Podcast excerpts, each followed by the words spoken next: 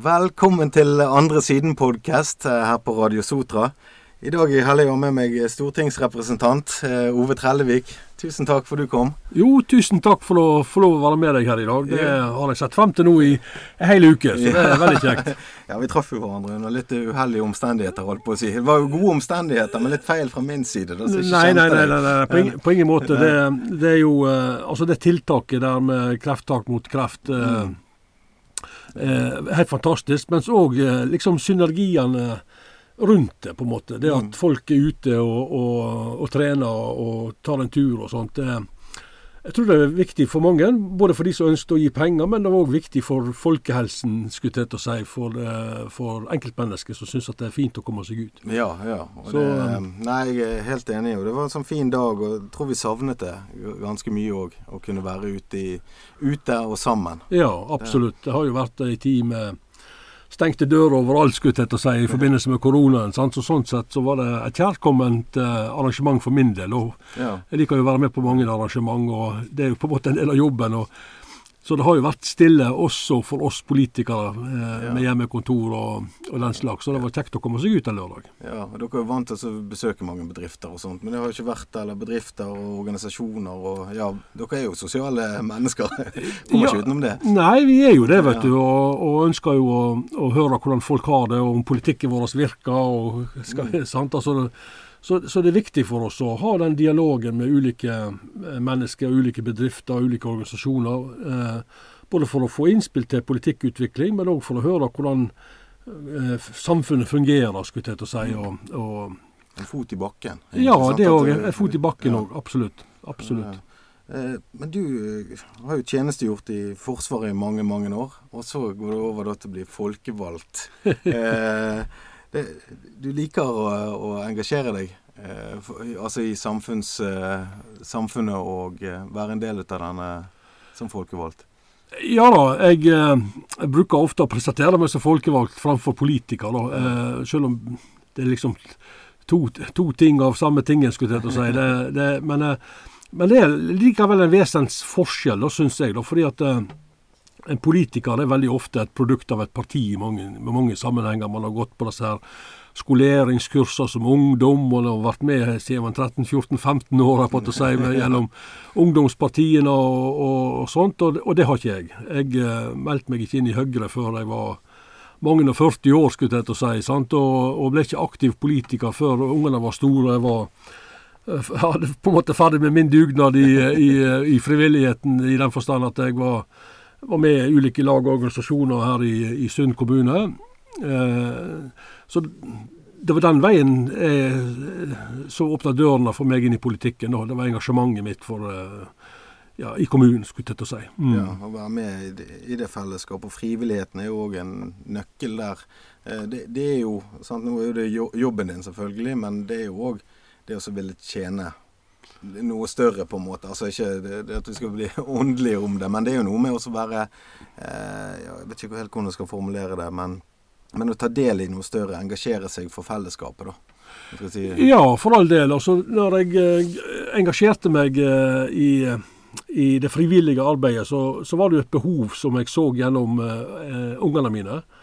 Eh, og når, det ble, eh, når Høyre spurte om jeg ville være med i lokallaget i Sund òg, så var det jo utfordringer jeg så som innbygger i Sund som jeg ønsket å være med og påvirke, for at det var behov for å gjøre noe både med skolestruktur og en, en rekke andre ting. Folk fikk ikke lov å bygge så mye på egen eiendom som de ønsket. Og, så det var mange ting som jeg hadde lyst til å være med og, og endre på da, liksom. Så og Det er det som på en måte har drevet meg hele veien. At jeg ser utfordringer som eh, jeg skulle ønske å, å, å få lov å være med og endre. Mm.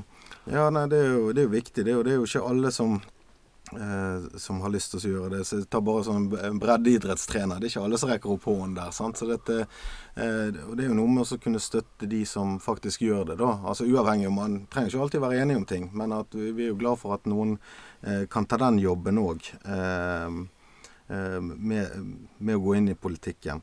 Eh, for hvordan er det å skulle nå være i Stortinget kontra å være i Sund, og som kunne påvirke på, på nasjonalt nivå? Nei, det å være lokalpolitiker her i kommunen, og da ordfører, og kontra det å være på Stortinget, er, det er veldig stor forskjell. Jeg bruker som regel å si at det var, var mye kjekkere å være lokalpolitiker. Men det, mye, det er mye gjevere å være stortingspolitiker.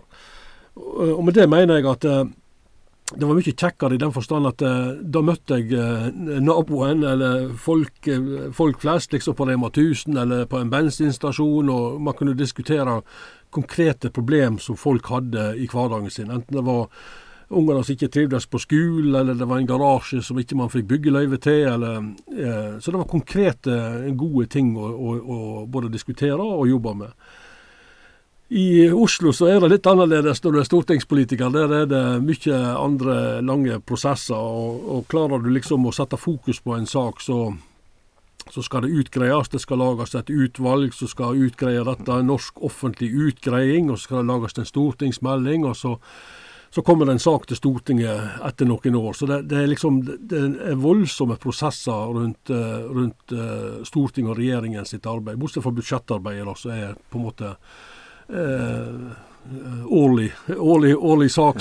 Og kanskje den viktigste saken òg, men det å endre lovene for samfunnet òg er jo en viktig del av Stortinget sitt arbeid. Men det er veldig krevende og tidkrevende. Og av god grunn, eh, selvsagt. Det skal utgreies og det skal høres, og, og folk skal kunne si meninga si til, til lovendringsforslag. Så um, det er viktige prosesser, gode prosesser. Men det er litt mer sånn tungrodd enn hva det var i et kommunestyre da. ja, det var litt mer direkte politikk, da. Ja, det er altså, det. det, er måte, det. Ja. At du, det, du, har litt mer uh, Ja, du kan, kan, gjøre endringene raskere. Men det er jo viktig kanskje også å få de uh, ha de litt tungrodde prosessene, men det er jo vanskelig ofte for meg å forstå. da at ting skal ta veldig lang tid. Eh. Ja, det er jo det. Og jeg følte jo det òg da jeg var ordfører, at jeg ble jo egentlig bare en iverksetter av statlig politikk. For at handlingsrommet til kommunen var så sterkt prega av nasjonale føringer. F.eks. plan- og bygningslov. Eh, hvordan kommunen skulle eh, tenke når de skulle drive planprosessene sine og lage kommuneplaner. Eh, det var ikke det lokale sjølstyret som jeg egentlig hadde trodd det skulle være. Eh, sånn at eh, det var ikke så enkelt liksom, for kommunestyret å beslutte bare det de ville, for da kom staten og sa at eh, dette får ikke dere lov å bestemme likevel. sånn at det, det, det, var litt det som drev meg òg til Oslo. Da, for jeg syns rett og slett det var, jeg var bare en, på en måte satt til å iverksette statlige føringer. Eh, og Det er viktig for en ordfører å gjøre, men, men det er òg eh, god grunn til å endre en del av de, eh, de føringene som kommer overfor kommunene. da. Ja, for dette er, jo, det er jo lokale tilpasninger. Må jo til. Sant? Og du ja. kjenner jo din kommune da som ordfører best, ja, tenker jeg. Ja. Og, og, jobber med de som er der. Så dette er jo eh, Ja, det er kanskje ikke lett i praksis, men jeg ser jo det at eh, det, det, det, er noe å ta med seg inn til Stortinget. Føler du at du får, får være med og påvirke det? og tilføre de lokale tilpasningene? Ja, det, det, føler jeg. Eh, og jeg har hatt noen kjepphester opp gjennom tidene. Og spesielt innenfor plan- og bygningsloven og, det, de mulighetene for kommunene har til å, å, dispensere fra egen kommuneplan og sånne ting.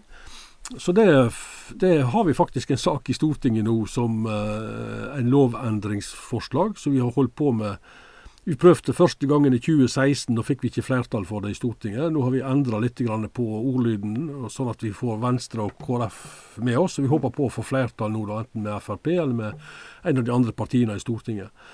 Eh, men den er ikke så omfattende som vi prøvde på i 2016, og det lovendringsforslaget. Men det gir kommunene litt større handlefrihet til å dispensere fra egen kommuneplan. Sånn at ikke staten og, og nå statsforvalteren og tidligere fylkesmann hele tida skal kunne eh, si nei, nei, nei til kommunene, men at kommunene i større grad skal kunne dispensere for, eh, for små tiltak da, som er viktig for mange innbyggere. Ja.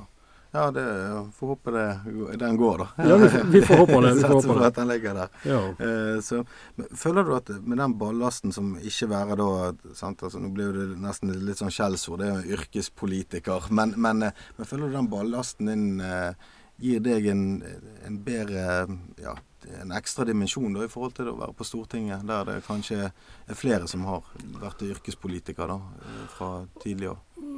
Altså, jeg må jo beundre disse her eh, disse profesjonelle politikerne, skulle jeg til å si, for de er rasende flinke og kan historien og kan politikken. Mm, eh, så, så de, de, er veldig dyktige politikere, og retorisk og, og, alt dette her. Kjempeflinke folk, for all del. Men jeg er, jeg er nå glad jeg har den bakgrunnen jeg har, skulle jeg til å si, og det er derfor jeg kan slå meg på brystet og si at jeg er folkevalgt òg. Og, og på en måte eh, Jeg følger jo selvsagt opp Høyre sitt program, skulle jeg til å si, men jeg eh, Når du er passert mange og 50 og, og sånt, så er det lov å, å, å, å ta til orde for det som du oppfatter er, er folket sin, sin, utfordring, og det som du opplever er, er oppdraget eh, du har fått med deg hjemmefra, skulle jeg til å si. Du er, du vår mann, Ove. Da får du ta, ta, opp, ta opp, vår sak. Sånn at jeg, jeg, er vel kanskje litt sånn friere eh, i, i, i, mulighetene mine til å, å, både si ting og ta opp ting, enn mange av de hva skal jeg si, da, profesjonelle, som du kalte de for. Da. Vi er jo, jo proffer begge, begge deler, da, men jeg har en annen bakgrunn da, enn hva mange andre har. Jeg tror mangfold er viktig. Jeg tror det er viktig at vi har eh, veldig flinke, eh, skolerte folk eh, med oss òg. Eh, eh, men òg det at politikere politikken òg er prega av folkevalgte, eh, som har vært med i, i, i annet arbeid, skulle jeg til å si òg. Eh, at ikke det bare er de som har gått gjennom parti, parti, partiskoleapparatene i, i, disse partiene. Ja, nei, Det er jeg helt enig i. og det, Jeg tror det tilfører faktisk den dimensjonen. Det var derfor jeg var litt interessert i det òg. For det er, jo, det er jo noe med det å kunne ikke bare måtte ta en fot i bakken, men ha en fot i bakken, tenker jeg. sant? Mm. Og det er jo det er jo lett for at uh, man mister litt gangsyn hvis man ikke har vært i arbeid. Og samtidig så er det viktig å ha den andre kompetansen. sant? Altså, men uh, det er jo farlig hvis det, politikken nå blir helt sånn steril, og alle sier det samme. Vil ikke det bli en utfordring? Altså Hvis det, alle skal være skolerte og Vi trenger jo litt sånn uh, ja, annerledestenkende mangfold, som du sier. Ja, og, og samfunnet er jo hele tida i endring. Mens ideologien trenger nødvendigvis ikke være i endring. Men når samfunnet er i endring, så må jo på en måte politikken tilpasses, mener jeg, da. Til den tida du lever i òg, og, og, og, til det samfunnet som du eh, er en del av, skulle jeg til å si. Sånn at eh, noen kan bli veldig sånn prinsippfaste, mens det, det, i praksis ikke er gangbar politikk, skulle jeg til å si. Sant? Altså, det er noe ja, nyanser her, skulle jeg til å si, så er litt sånn ja, det er ikke alt som lar seg gjennomføre i praktisk, da. Selv om Nei. det på en måte eh, ideologisk sett høres flott ut. Men, eh, men det, er ikke, det er ikke så enkelt å få til i praksis. Nei da, det er jo mange, mange ting som er det. sant? Altså, ja. Mye er fint på papiret, men så er det liksom det, det spørs om dette klarer å bli fulgt opp, sant? om dette er riktig. sant? Mm. Det, det tror jeg. Og I løpet av de årene nå har du vært eh, folkevalgt i vel 14 år. 14 og et halvt år.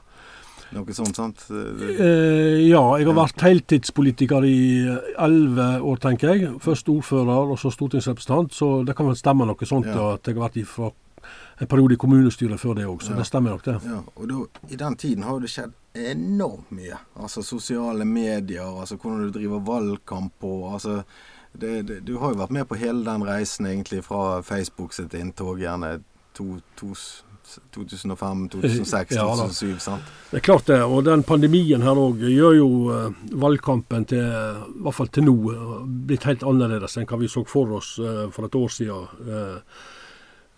og det er som du sier, det er en helt annen hverdag med den digitale valgkampen. Og jeg er jo ikke noe sånn racer verken på Twitter eller Facebook. Eller, og det er så mange sånne plattformer og, og kommunikasjonsmåter at det går med litt uh, Jeg må si jeg faller litt mellom to stoler der, skulle jeg si. Så, men vi har noen flinke folk med oss da, som hjelper oss. Da, men det er klart at det, det er jo en fin måte òg å nå ut til folk på, bedrifter og sånn. Når ikke kan reise på bedriftsbesøk, så har vi møte på Teams f.eks. og sånne ting. Så, så, ting endrer seg.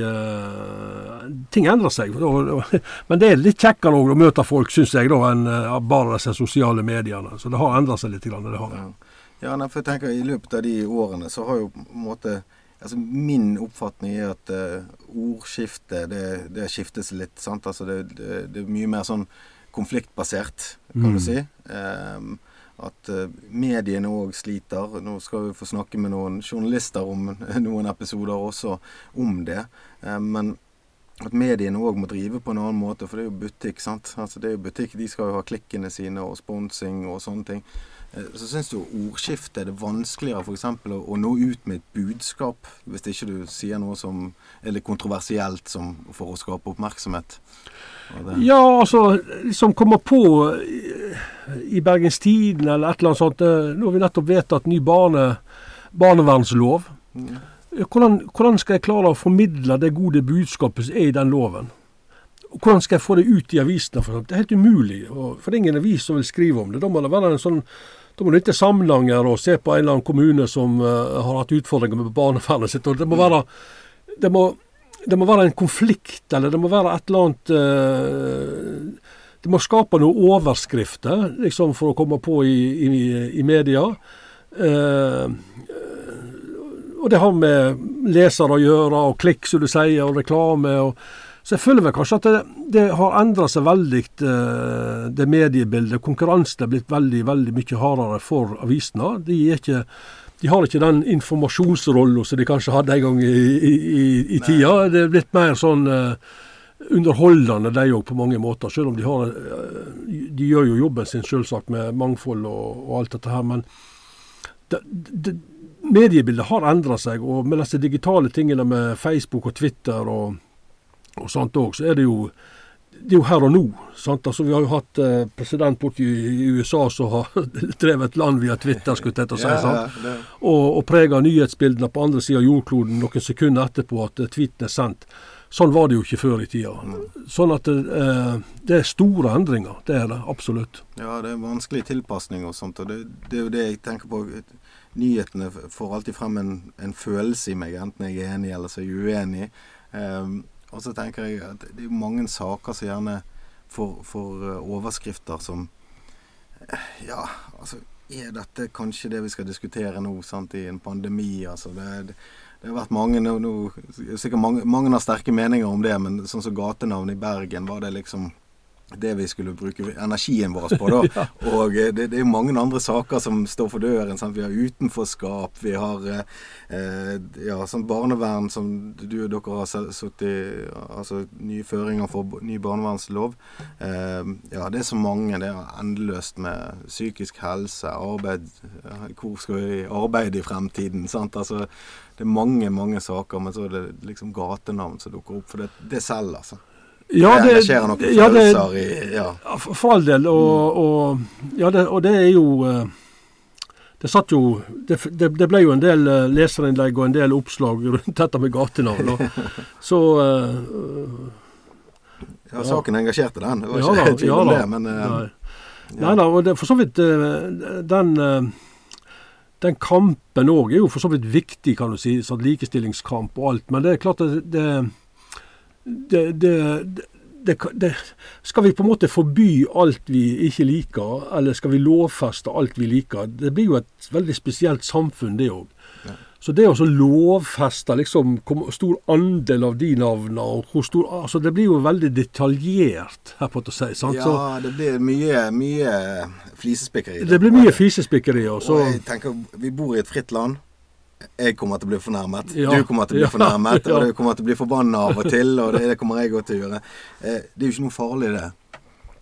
Altså, det, det, Vi kan ikke lovfeste alt. Nei, Ja. nei det går ikke an. Sant? Så det, så, eh, og, og sånn har det jo vært. Vi har jo hatt eh, flotte kvinner i, eh, på, på navn. eh, Amalie Skram er jo et Mm. navn som vi, vi har brukt så, så, fra gamle, gammelt av. skulle jeg til å si. Så det er jo ikke sånn at det ikke har vært. Så det å kunne leve i den tiden vi lever i, og de navnene vi har hatt, har jo på en måte prega den tida de navnene var i òg. Så, så eh, Ja, det er jo Nei da. Men det ble en stor debatt av en ikke så veldig stor sak. Ja, og jeg, jeg syns jo sånn i form av likestilling og sånt, så det, eh, Jeg syns vi har vært et foregangsland.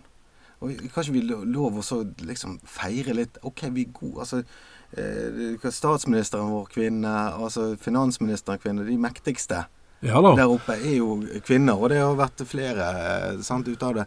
Istedenfor skal vi kanskje fokusere på oss og trekke oss ned. Sant? Det må jo vi må jo være, anerkjenne at det, som samfunn har vi gjort det godt. Absolutt. Sant? Vi er vel er si. Ja, ja, ja. Så vi Mm. er, et, eh, vi er et, eh, et velferdssamfunn og et kunnskapssamfunn som er, har nådd langt. Vi, vi er høyt rangert her på å si, med levekårsundersøkelser og utdanningsnivå og masse. Så, så vi er et rikt, veldig rikt samfunn. Eh, absolutt. Så, Ja. Og det er iallfall på toleranse og på, på mangfold, og dette syns jeg vi har vært eh, fantastisk. Eh, men du er jo, du er jo også da innvandringspolitisk eh, talsmann. Det er et vanskelig tema å, handle på retorisk sett, tenker jeg, for å få frem et budskap uten at du skal på en måte eh, krenke eller fornærme noen på noe vis, kanskje. Ja, jeg, jeg, dette er det mest krevende politikkområdet jeg jobber med. Eh, det er det. Fordi at det, er, det handler om mennesker, og det handler om følelser. Og, eh, og det er veldig krevende. Eh, og mange har lykkes i Norge, for all del, men så er det veldig mange som ikke har lykkes like godt. Så dette med å ha eh, en god integrering, eh, det å på en måte i og med at vi er så rike, da, så kan vi kanskje av og til sitte med en følelse av at vi, vi, vi hjelper folk eh, fordi at vi, vi, har råd til det, og vi skal det, og alt dette her. Men vi kjøper oss på en måte fri fra ansvaret med å, å gi folk trygd, skulle jeg til å si.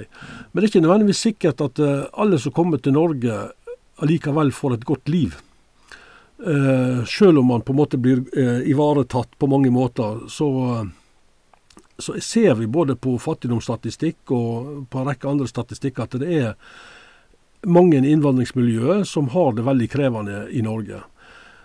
Så det har vi prøvd å bøte på med å, å, å stille krav både til norskkunnskaper og språk og integrering. Og, og, og det er utrolig viktig at skal, skal de mennesker som på en måte kommer til Norge, og kanskje ikke har de beste forutsetningene heller for å lykkes i Norge, vi krever jo, uh, bare for å støvsuge her, så skal du ha fagbrev, skulle jeg til å si. Mm. Og, og, det er et, samfunn som er veldig sånn uh, fokusert på, på, sånne ting. Med ferdigheter og dokumentasjon på dette, og det er HMS her og der, og masse. Og det, det skal litt til å kunne følge med i et sånt samfunn, skulle jeg til å si, hvis ikke du har de forutsetningene. og mange fra den tredje verden har ikke de forutsetningene. Så det tar tid på en måte å, å, komme seg inn på arbeidsmarkedet. Og veldig mange av førstegenerasjons flyktninger spesielt. Eh, for de kommer kanskje fra krigsherja land, og, og, mange av de kan bruke lang tid på å, på å bli integrert. Kanskje ikke førstegangsinnvandrerne. eh, eh, i hvert fall ikke hvis de er noen år, 50-60 år, så er det ikke sikkert de kommer seg i arbeid i hele tatt. Så det er mange som har utfordringer knytta til å bli integrert i, i, Norge. Så det er viktig å ha en, en, solid jobb på det området der. Ja, og jeg likte så godt når vi snakket i sted. Sant? Så jeg, jeg, tror jo på krav, sant? men du sa positive forventninger. Ja, det er jo noe med tegn på respekt og, og omsorg. Sant? Altså, du vil ikke si, si ja bare til, til, barna dine på alt. Altså, du vil ikke Du har noen forventninger til, til meg, jeg har noen forventninger til deg. Og det må jo være helt greit. og Ta, ta parallell til f.eks. Eh, militæret. Så har du veteraner som har vært ute og tjenestegjort for, eh, for FN og Nato og sånn. Når de kommer tilbake igjen. Noen har jo utfordringer med seg mm. som form av de opplevelsene. Eh, men de fleste er jo veldig høyt fungerende og ressurser til samfunnet. Og jeg tenker jo litt sånn at de som kommer hit eh, og har lyst til å bli en del av eh, laget her, da, de, det er ikke nødvendigvis at de ikke kan gå inn og være ressurser på samme måten. For vi er alle mennesker forskjellig. Og jeg tror det er mange ressurser som, som, eh, som man ikke velger å se, da, men istedenfor at det, Kanskje vi syns synd på Altså, vi skal ha øh, å, Det er vanskelig å balansere ordene sine her. men, mm. men, vi skal ikke synes synd på mennesker, men vi skal ha litt sånn for, positiv forventning, da om at ja, men kom igjen, du kan være med og delta her. Det tror jeg istedenfor at man eh, da eh, vil gi penger og kanskje eh, det blir en sånn tillært hjelpeløshet da, hvis man er for lenge utenfor. Altså jeg ser jo bare Hvis jeg er sykemeldt i tre-fire måneder, så når jeg røker noe med foten her for litt siden, det er jo- et aber å komme seg tilbake igjen. sant? Ja. Hvis man er lenge utenfor samfunnet, så blir jo det en, en utfordring i seg sjøl. Men det, det er jo liksom jeg, jeg tror jo ikke det, alle som kommer hit, gjerne De hadde trengt en jobb. Vi kunne fått jobb, og vi kunne fått eh, ja, gange på det. sant? Altså, ja, ja, absolutt. Altså, språk, språk er den aller viktigste forutsetningen for å bli integrert og, og, få, og få jobb. Mm. Så må du ha norsk. Norskkunnskaper kunne kommunisere. Det er det viktigste av alt. Eh, eh, så, så det å ha fokus på det, det tror jeg blir kjempeviktig, eh, og er kjempeviktig. Men så er det, er det mange som har Grunnen til at de er flyktninger, er jo for at de kommer fra områder i verden hvor det ikke er mulig å være. Så det, mange har, har et veldig krevende liv òg. Sånn at det, det er ikke alle som er like godt skodd for å verken å lære seg norsk eller å komme seg i arbeid på kort sikt, fordi at de er traumatisert og har det veldig krevende. Ja, jeg forstår det, altså, Ja, men, men- bare ikke, men- ikke, alle, tenkte jeg. sant? Nei, nei, jeg er helt enig i det. Og, og, men så er det ofte sånn at eh, mange av de som kommer til Norge som flyktninger, de eh, kommer via, eller alle flyktninger kommer via FN-systemet. Sånn at vi, at vi vet veldig tidlig hvem som kommer. Og vi kan òg være med å påvirke hvem vi skal ta ut, for det er tross alt ganske mange millioner som er flyktninger. Sånn at vi kan, eh, vi kan eh, se hvor det er mulig å, i samfunnet, og hvilke kommuner som har ledig kapasitet til å ta imot, er det ledig hva arbeidskraft trenger den kommunen. Så kan vi på en måte ta flyktninger som har forutsetninger for å kunne bli integrert i, eh, i lokalsamfunnet i en sånn kommune krever litt mer arbeid, men jeg tror at hvis vi skal lykkes som, som, eh, som samfunn som skal ta imot flyktninger, så er vi helt nødt til å se dette i litt større perspektiv, skulle jeg til å si. For vi kan ikke bare ta folk til Norge for at vi syns synd på dem, skulle jeg til å si. Eh, eh, og så lykkes de ikke som mennesker her i Norge heller. Så, og når det er så mange flyktninger i verden, så, så, eh, så fortjener de på mange måter å lykkes når de skulle komme til Norge. Eh, Irak, eller ikke Irak, skulle jeg si, det her eh, syriske flyktningene. Mange av de har, eh, har, eh, har eh, gjort en fantastisk altså integrert seg veldig, veldig raskt og kom veldig fort i, så i, i lese norsk og kom seg veldig fort i arbeid, veldig mange. Så det er litt sånn kulturforskjeller òg eh, mellom ulike kontinent i verden.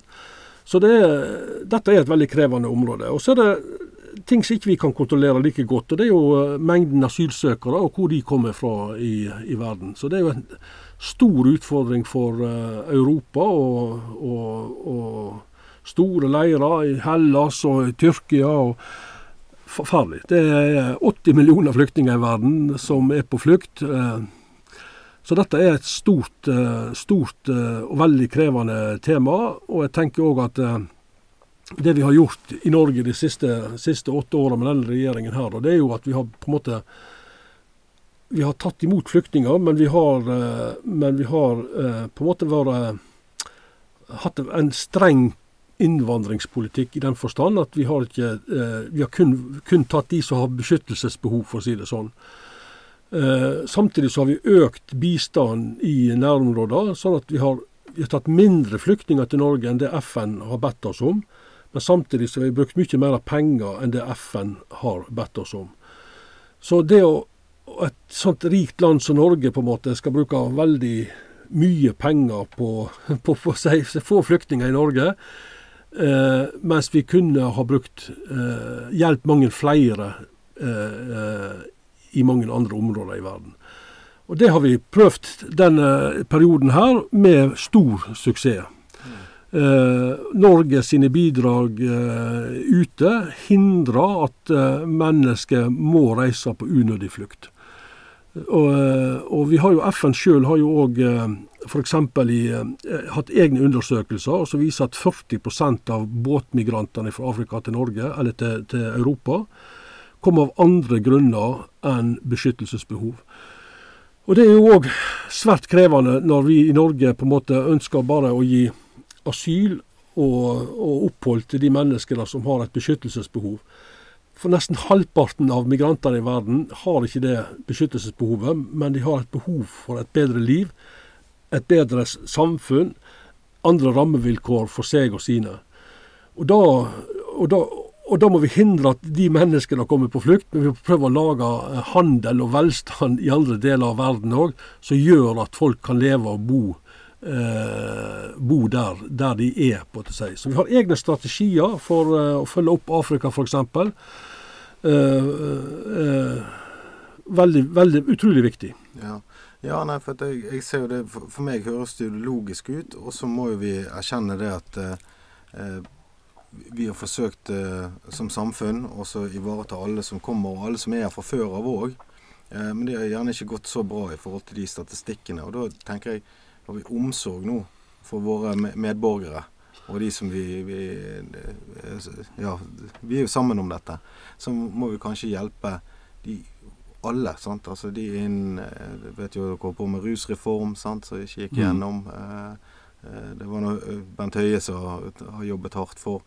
Eh, alle de svake gruppene, da. Vi må jo løfte de her. Og det er jo kanskje en vel så stor jobb allerede, om vi ikke skal ha flere mennesker inn. For det er jo begrenset kapasitet gjerne på Nav, på skoler, barnehager. altså vi er jo ikke et stort land heller. Sant? Nei, og, og, litt av utfordringen med, med samfunnet sånn som det er blitt, da, Eh, velferdssamfunnet vårt er flott, og det er helt fantastisk. Men jeg savner jo egentlig allikevel noe som eh, ungdommen ikke har i dag, som jeg hadde. Eh, og det var, det var, helt eventyrlig lett å få seg arbeid. Mm. Jeg tror ikke jeg var arbeidsledig en eneste sommer. Uh, det var bare å ringe til, til en eller annen som drev tømrerfirma eller et eller annet, så fikk du være med og, og bære takstein. Du fikk være med på fiskebåt. Du fikk være med på altså, det var et sug etter ungdommer. Ja, jeg var på, gikk med avisen, jobbet på noe Hydroskan og kappet ja. rør en sommer. Jeg var, var, ja, jeg også. Men jeg ser at de jobbene blir jo lenger mellom hver gang. Ja, det, det er det. Sant? Altså, det er ikke jobber til mennesker som ikke har uh, papirer på det, til å kunne gjøre jobben, for å si det sånn. Og det er, jo, det er jo, nesten straffbart å ansette en 15-åring, skulle jeg til å si. Altså, det, det, det er, så folk kommer jo altfor seint eh, ut i arbeidslivet til å, å, gjøre nytte for seg og lære, lære seg å, å, gjøre nytte for seg, skulle jeg til å si. Hvordan det er på arbeidsplassen. Ja, ja, sant. Så jeg var mye tidligere i arbeid jeg, enn hva mine sønner er, skulle jeg til å si. Uh, og, jeg mener det er en viktig del av, av dannelsesreisen, og det å lære seg å ta i et tak. Uh, Eh, men jeg savner egentlig eh, disse, hva skal jeg si, de jobbene som eh, du ikke trengte noe særlig med skolegang til å, å, for å få. Sånn, du kunne reise til sjøs før, og du kunne gjøre masse ting, men det, men det er det helt slutt på. Masse sånne jobber er vekke. Mm. Så har vi jo fått veldig flinke folk sant? innen både på fiskeindustrien og, og fra Øst-Europa. og På landbruket er de med oss, og om våren og driver våron. og og, og, kjempeflinke folk. Og Litt av utfordringen her er at de er så dedikerte til sin oppgave, er så flinke med sin oppgave, at, det, at er du innvandrer fra tredje del av verden, så klarer du på en måte ikke, ikke konkurrere med, med, flinke polakker. Nei, Og ikke norsk ungdom heller, måte, som ikke har jobbet. Og, sant? Så dette, de, jeg vil si at de polske arbeiderne som kommer alltid, har kanskje en arbeidsmentalitet som man ikke kan slå. sant? Altså, De, de, de er bedre på det de gjør. sant? Ja, det, da blir jo det naturlig for meg som skal arbeidsgiver, da, eller ikke at jeg ansetter noe, men, men at, at, de får den jobben. Ja. ja. Og, så Vi merker det jo veldig godt nå da under koronaen òg, eh, hvor man stengte grensene og folk kom seg ikke inn til Norge. Eh, landbruket like før de, de, de, meldte om krise i fiskeindustrien i Nord-Norge, så var det, var, det, var det, krevende. For de fikk ikke folkene sine til å være med og ta imot eh, fiskebåtene. Og det er ikke og det er ikke så veldig enkelt eh, å omstille seg eh, fra et fag til et annet fag heller. For det, sånn som samfunnet er blitt, så er det veldig sånn Eh, produksjonseffektivitet, skulle jeg til å si. sant? Og halter du, så halter du. Og da er det ikke sikkert, eh, da er det ikke alltid like enkelt å, å bruke deg, skulle jeg til å si. Nei, men, det, men, det, er gode eksempler òg, da. Eh, eh, som jeg kjenner til her fra hotellet i byen.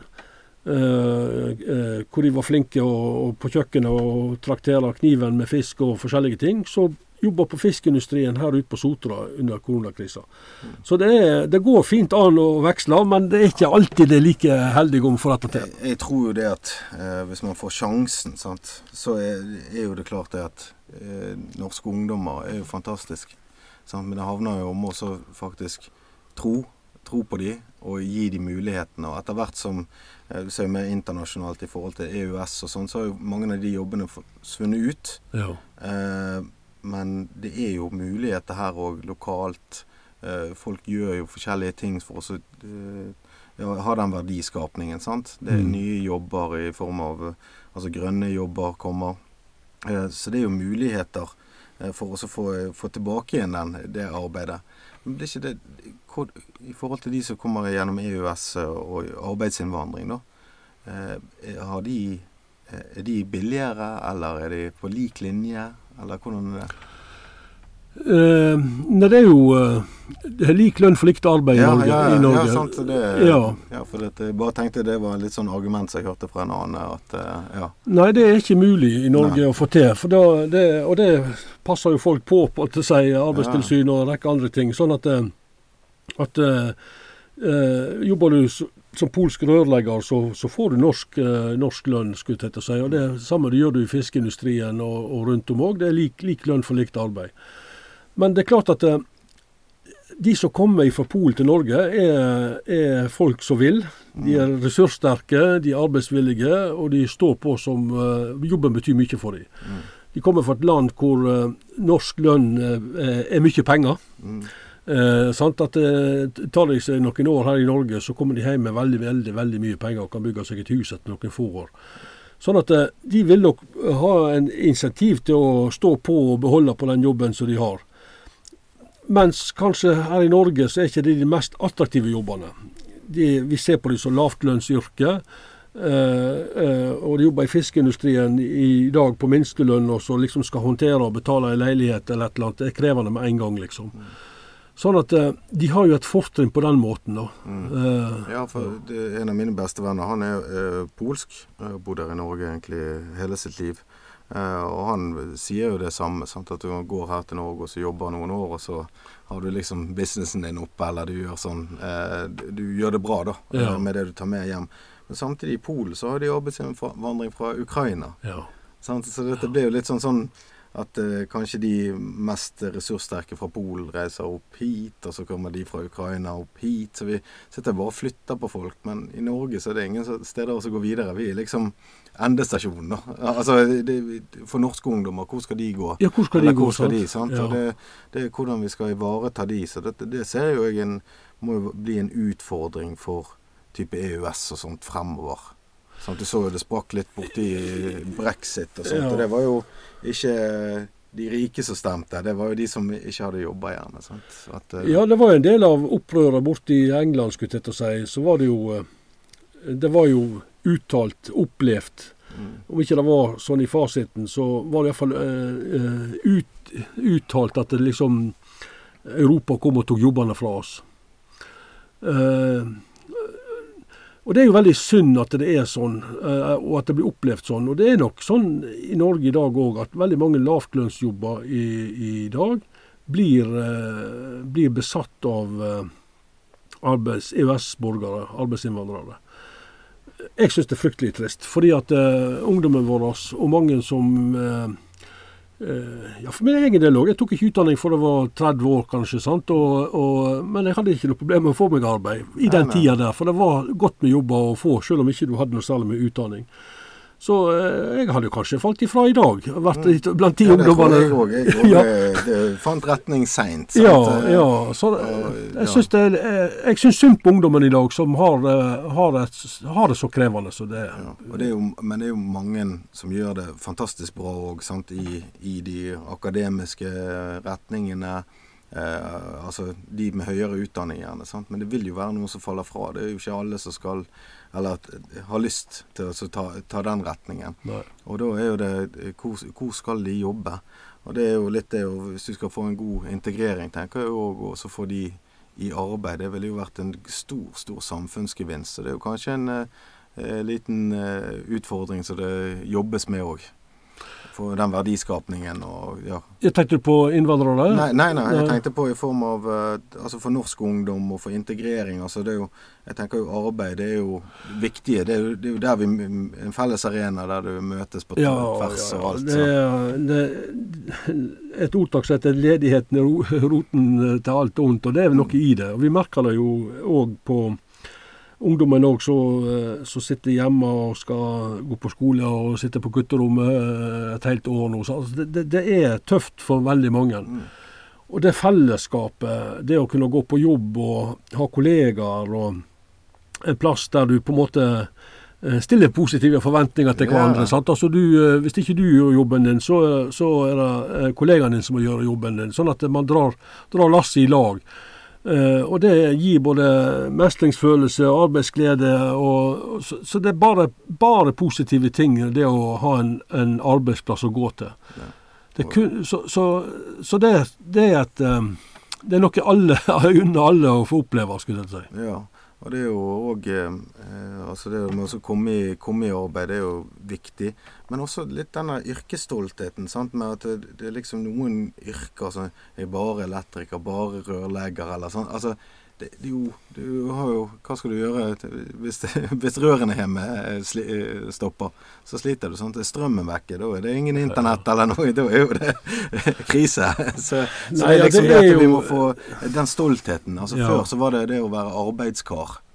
Det var respekt. altså sant? Og jeg syns vi må ha, ha, ha respekt for alle, selvfølgelig. Men det må ikke være noen Alle yrker er jo like viktige, på en måte. Altså vi har jo Ja, for all del. Mm. Det er det jo. Alle vikt, veldig viktige eh, Altså, kjettingen er ikke, er ikke sterkere enn det svakeste leddet. Så, så, eh, så alle betyr noe. Det er på alle arbeidsplasser. Mm. Eh, men det er klart at eh, at det, det Vi har jo på en måte som samfunn en stor utfordring på å si når, når det blir sånn at det er eh, veldig mange yrker på en måte blir ikke hva skal jeg si da, eh, attraktive nok for norsk ungdom. Eh, man sikter så høyt. Sant? Altså at det, om det er de sosiale mediene som gjør det, og presset på et vellykka liv skal måles i antall cabincruisere og, antall, bi, antall biler og, sånne ting. Så, så jeg vet ikke hva som gjør det, at, at, vi, at, noe, at man sikter så på en måte så høyt at ingenting er godt nok. Sant? Og da kan man kan ikke ta den jobben, for det er ikke status nok, liksom. Og, og eh, det var en rørlegger som sa til meg en gang han hadde utfordringer med å, å ansette nok rørleggere. Uh, og så hadde han noe, en konfirmasjon han hadde tilbudt noen av konfirmantene. da, at uh, ja, De må nå bare komme til meg hvis de vil ha uh, le, le, le, lærlingejobb. Ja.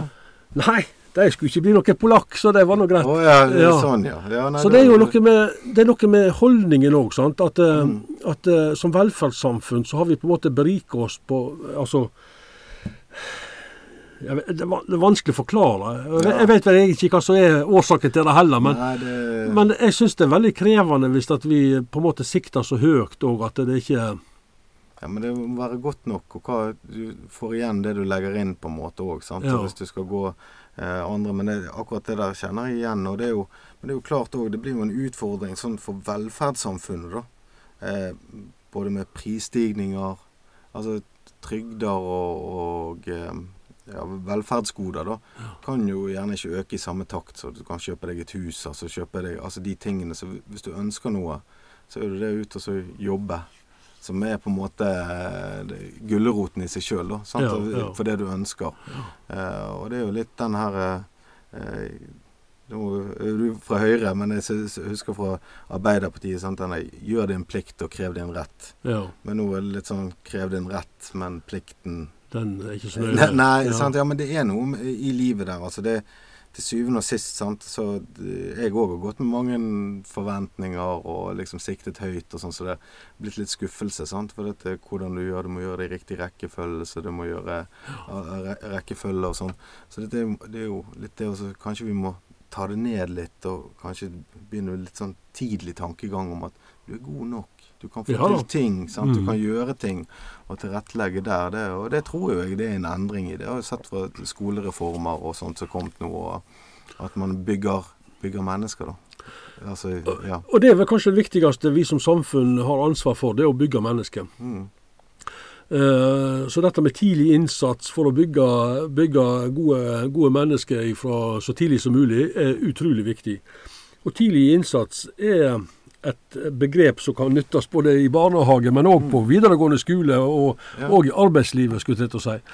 Det å, å tidlig på en måte håndtere, eh, håndtere livet i den livsfasen du er i. Mm. For livet vil jo alltid bety på utfordringer. Enten du er nå i barnehagen, eller du går på barneskolen, eller på ungdomsskolen, eller du er på universitet, eller du er i arbeidsliv, eller du er pensjonist, eller hva du er. Så vil, du, vil eh, livet og den fasen du er i livet ditt, alltid by på utfordringer. Ja. Så tidlig innsats og forebygge de utfordringene som du vil ha i alle disse fasene, det er er viktig for at du sjøl skal kunne håndtere de hverdagsutfordringene som uh, liv, Ja, de livsfasene byr på, skulle jeg til å si. livet er jo en mengde hindre på rad, så, det, så, det skal, ja, så det skal overkomme. Ja, det er jo det mange eh, Men det er jo godt òg. Hvis jeg har gjort en god jobb, eller jeg har gjort noe, noe bra, jeg har vært med på noe frivillighet, sant, så har vi tatt de utfordringene noen ganger i fellesskap, noen ganger har jeg styrke i meg sjøl til å gjøre de tingene. Og det er jo litt det at eh, kanskje folk skal ha litt positive forventninger, da til andre og la folk gjøre det sjøl. At man ikke skal på en måte sånn, Jeg husker når vi, hadde han læreren som jeg nevnte til deg. sant? Eh, Børge heter han. og Han fantastisk med oss. Men han hadde jo forventninger til oss. Han stilte noen krav. Ja. Og, og eh, han dro oss opp, for han trodde på oss. Ja, men du, du kan, du kan. sant? Mm. Og det, det er litt det Vi trenger kanskje flere lærere som Børge og, og andre sant, der ute som, som tør å tro på, på meg og tør å tro på de andre som kommer inn der, for å så dra de opp, da. Istedenfor at man skal, eh, skal liksom Ja da, det går bra. Hva føler du nå? Sant? Ja. altså, vi skal ikke, altså, jeg er veldig for med psykisk helse og alt dette her òg. Men det er sånn som hadde han Kyrre Dyregrov, som er fra online-psykologen òg. Det er ikke alt som er psykisk helse. For det er det vi først må sortere når folk kommer til oss. Det er hva er psykisk helse, og hva er livet. Mm. For det er to forskjellige ting. Mm. For livet vil gi, deg uro, det vil gi deg frykt, det vil gi deg spenning, nervøsitet, glede. Alle de tingene. Alt er naturlig. Ja, alt er naturlig. Ja, sant? Det er ja. ikke alt som nødvendigvis er at du skal ha psykisk helsehjelp. Nei. Av og til så trenger meg og deg å ta en kopp kaffe Ja, og så prate ut. Ja. Nå er det litt tøft, sant? Det, dette, det og det. Ja. Nei, men det er jo eh, det. Er jo det. Og, men av og til så føler jeg at eh, det er så lett å ta minste motstands vei. Mm. Altså Det å snu seg rundt den steinen istedenfor å prøve å flytte den. Ja. Uh, så er det, er det eh, Og kanskje den, den ubehagelige veien, eh, eller den som jeg byr litt på litt kvist av og til, kanskje jeg faktisk er den som er rett òg. Ja, jeg, har, jeg har tatt alle snarveier opp igjen. Ja, ja. det, det, det, det førte meg bare tilbake inn til start. ja, Ikke det. altså ja. Jeg har hatt et godt liv. Jeg har gjort eh, mye riktig og rett og alt dette her. Men eh, den siste de- delen, hvis du skal eh, oppnå noe, da, det kommer ikke uten Det kommer bare med hardt arbeid. Til syvende og sist, altså du kan vinne i Lotto og alt dette, Ja, nei, selvfølgelig, det- men det, det- er noe sånn. Men, hardt arbeid og, over tid ja. vil belønne seg. Det, det, det gjør det, men jeg har prøvd å fortalt mine gutter òg at, at uh, livet er helt fantastisk, men du får ingenting gratis. Altså du, du, du eh, det, det, det er tøft. Arbeidsmarkedet er tøft. altså du, må, du får ingenting gratis. Du må stå på. Du må gønne på, liksom. og, og eh, og sånn er det er hverdagen òg, skulle jeg til å si. Det er, du må ofre litt for å få noe igjen.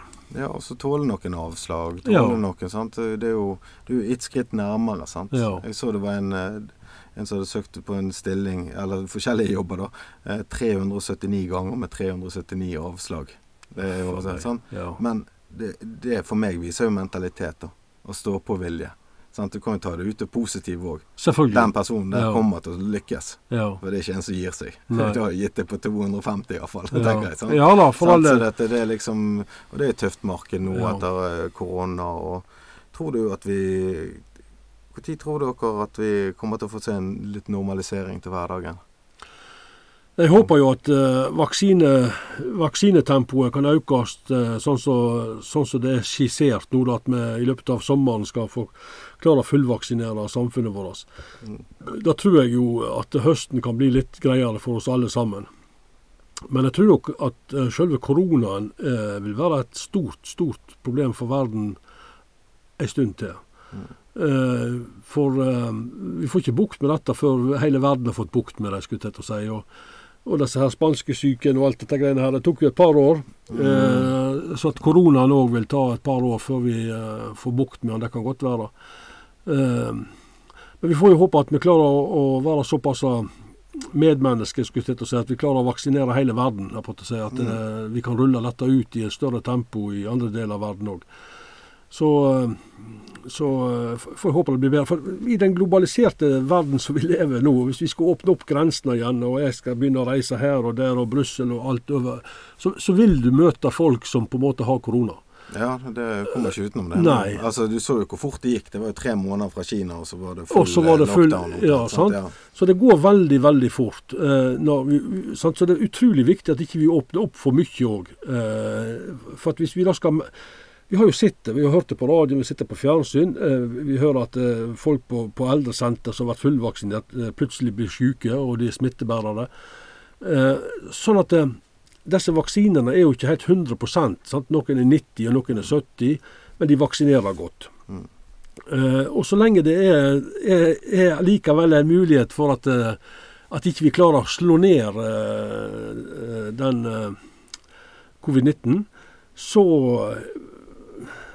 kan det blusse opp igjen. Mm. Ja, for det kommer tilbake igjen på andre måter. og ja. Det er jo virus sånn, Jeg skal være forsiktig med å uttale meg om ting jeg ikke kan, men, men det er jo Altså, den mutasjonen, det, det, det skjer jo. Ja. Det er jo sånn, sånn, de virusene er. Og Hvis de muterer da, vet du, til, å, til å da, ikke bli påvirka av eh, vaksinen, at de lurer snuser rundt eh, ja, da, da, har vi et, vi, da har vi et stort problem igjen. Ja, nytt problem. sant? Ja. Så det er jo, Vi får håpe at vi får tatt det i denne runden. Men hvor, hvor, um, hvor utfordrende tenker du altså, det har vært at dere sitter i en regjering nå der egentlig alt har handlet om covid? Altså mm. selvfølgelig. Altså, og så sitte i de og måtte ta de, de beslutningene som har blitt gjort. Sant? For dette har jo påvirket eh, folk sin hverdag. Altså noe helt ja, vanvittig.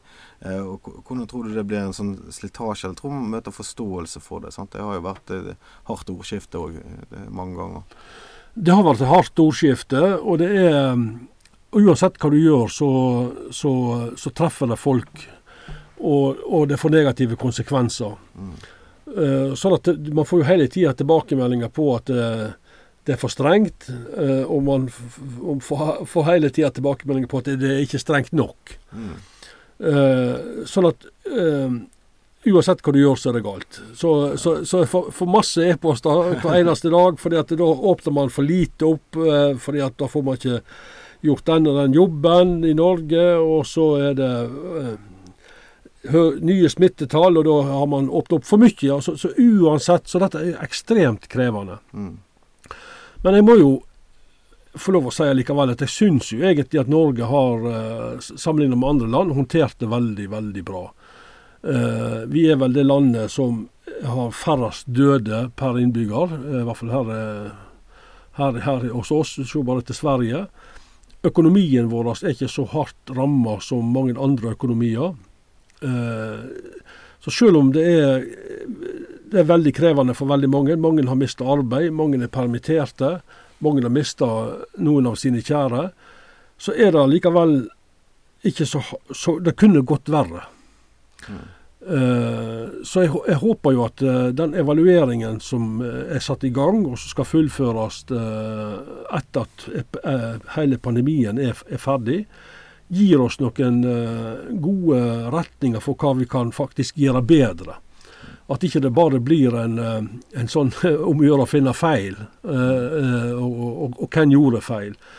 For det må ikke være tvil om at alt det som er blitt gjort, er blitt gjort med altfor liten hva skal jeg si, altfor lite informasjon. Ja, sånn som du sa innledningsvis, sant? dere holdt på med en sak i 2016 som nå ja. det er godkjent. Så vanligvis er jo det de tidene det, det, går på, og så nå har det vært egentlig fra dag til dag omtrent. Ja, dag til dag. og altså Det er veldig stor usikkerhet sant? og altfor liten kunnskap om eh, både om viruset og mutasjon. og altså, Sånn at vi, regjeringen da må fatte beslutninger, men men ofte under press, og, og ofte under altfor liten kan du si, eh, eh, konsekvens eller kunnskap om konsekvenser og alt. Så det, så det er Det har vært veldig krevende, det er jeg helt overbevist om. Nå sitter ikke jeg i regjering, nå, men jeg sitter på Stortinget. Men jeg, eh, jeg får jo mange tilbakemeldinger fra, fra innbyggere eh, som er råka eh, og har sine tanker om dette. Så, så eh, det er nok et stort press på, på mange der. Mm.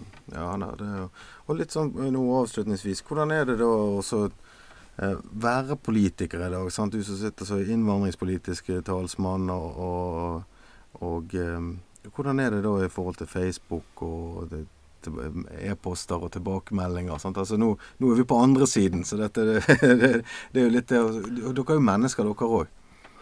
Hvordan er det å sitte der på Det er vel ikke bare eh, Nei, det, det, det er jo eh, Det kan jo være tøft mange ganger, da. Altså, nettroll er det jo, har vi alle hørt om. Og, så eh, jeg, spesielt dette med innvandring, det syns jeg kan være veldig krevende. fordi at uh, uansett hva du mener, så er det noen som mener noe annet. Og, og, de, eh, og de legger ikke skjul på det heller. Uh, Sånn at eh, Men selve debatten i Norge òg er veldig polarisert på mange måter. Enten så er det for eller mot innvandring. Men det er ikke det det handler om. Det handler om hvordan kan vi håndtere dette på en best mulig måte. Hvordan kan vi hjelpe flest mulig mennesker med de ressursene vi har i dag. Men da skal du med en gang sånn stigmatiseres og henges ut for at eh, du skal hjelpe i nærområdet. Altså det blir så, det blir så retorisk sånn eh, ordskifte og kamp om det, istedenfor å diskutere innholdet. Ja. Hvordan kan vi hjelpe flest mulig mennesker med de ressursene vi har i dag? Ja, for jeg har jo sett det på uh, krafttak mot uh, kreft her på Strilasløyfa og, og snakket med deg, og det er jo det fellesskapet og den uh, egentlig Vi er jo en stor bygd. Altså nå er vi Øygarden kommune, men det er jo den bygdefølelsen. Vi vil jo ivareta folk, og jeg er jo alt om å hjelpe òg. Men eh, nå i dag så tenkte jeg så uff, det er vanskelig når vi skal, hvis vi skal snakke tre, fire, fem ord her. Ja. Og er ett feil, så er det plutselig Ja, da blir man Ja, det, det, hengt ut. Så det, jeg, det eh, engasjerer veldig mange, det gjør det. Eh, Så jeg syns det er veldig krevende som politikkområde. Men så syns jeg det òg det er at det at det er litt sånn befriende at, folk, at vi har et samfunn der folk kan si meningene sine til, til stortingsrepresentanter og, og sånt òg. Så jeg får jo e-poster med hva folk tenker og mener. Men det, men, eh, men folk bør jeg, Og jeg leser alt, og- men det er selvfølgelig Og jeg tar kritikk, men eh, litt, litt, litt sømmelighet er jo, er, jo, er jo greit, da. Ja, og det, det tror jeg egentlig eh, gjelder i alt. For vi skal ikke være redd for å snakke om noen ting. Det bør vi ikke være. For vi kan snakke om det på en skikkelig måte. Og da trenger ikke jeg å påføre deg mine følelser og du din, men vi kan snakke om saken. Ja. Og så eh, er vi Det, det er jo sånn vi kommer videre. Det er jo Det- sånn vi utvikler oss. Ja, det er det. Og, men oftest er det sånn, i hvert fall med de negative e-postene eller henvendelsene du får, så går det nødvendigvis ikke på saken, men da angriper de deg som person. Ja. Uh, og, og, ja, og det er litt mer krevende, da, syns jeg. at Skal. Ja, men eh, jeg er nå, jeg er nå glad for at du eh, er rustet fra forsvar og fra lokalpolitikk og ja, gode verdier, uh, syns jeg. Og det er utrolig hyggelig å, å prate med deg her i dag. Så dette eh, Og nå gleder vi oss bare til valget, da. Ja da, eh, nå vi vi ha en eh, god sommer først. Ja, vi skal ha en god sommer først. Og, og valgkampen er jo begynt, sant? Altså, men det er en helt annen valgkamp nå enn hva det har vært tidligere, i og med at han er mer i avisene og digitalt på Facebook og alt dette her. Så vi får ikke besøk så mye folk som vi egentlig ønsker. Men jeg håper jo på at, eh, at eh, vi blir fullvaksinert i løpet av sommeren. At vi kan, eh, vi kan stå på et torg og, og treffe litt mennesker. og og, og prate litt folk face to face òg. Mm. Og, eh, møte de som på en måte kommer med både negative og positive tilbakemeldinger. For det, det kan være det at folk har behov for en prat òg. Ja. Ja, nei, men det, det er det vi håper på. mm. Og eh, ja, jeg vet jo at du har hatt ordførerens blogg tidligere, så jeg venter på vloggen nå i valgkampen. Ja. det, Nei, nei, eh, det stemmer. Jeg hadde en, en blogg som jeg skrev eh, det var hver fredag, så oppdaterte den med hva jeg hadde gjort som ordfører denne uka. Jeg bruker bloggen ennå, men det er ikke så mange lesere nå som, det, den, som den gangen jeg var ordfører. Da, da var det litt mer eh, up to date med hva som skjer i bygda, uh, mens i dag så er det, er det litt mer sånn nasjonal eh, politikk som, som blir uh, i bloggen. da. Men, Men Noen leser den, men, men det var mer hot når jeg var ordfører her i Sund. Ja. Ja, men Ove Trellevik, tusen takk for at du kom her i dag. Og så lykke til videre med valg og sommer og alt. Ja, tusen takk for det, og tusen takk for at jeg fikk lov å være gjest her hos deg. Ja, takk for det. Og denne podkasten kan du òg høre på Spotify og YouTube. Du kan òg følge den på Facebook og Instagram. Og Da er vi tilbake igjen neste uke, samme tid og samme sted.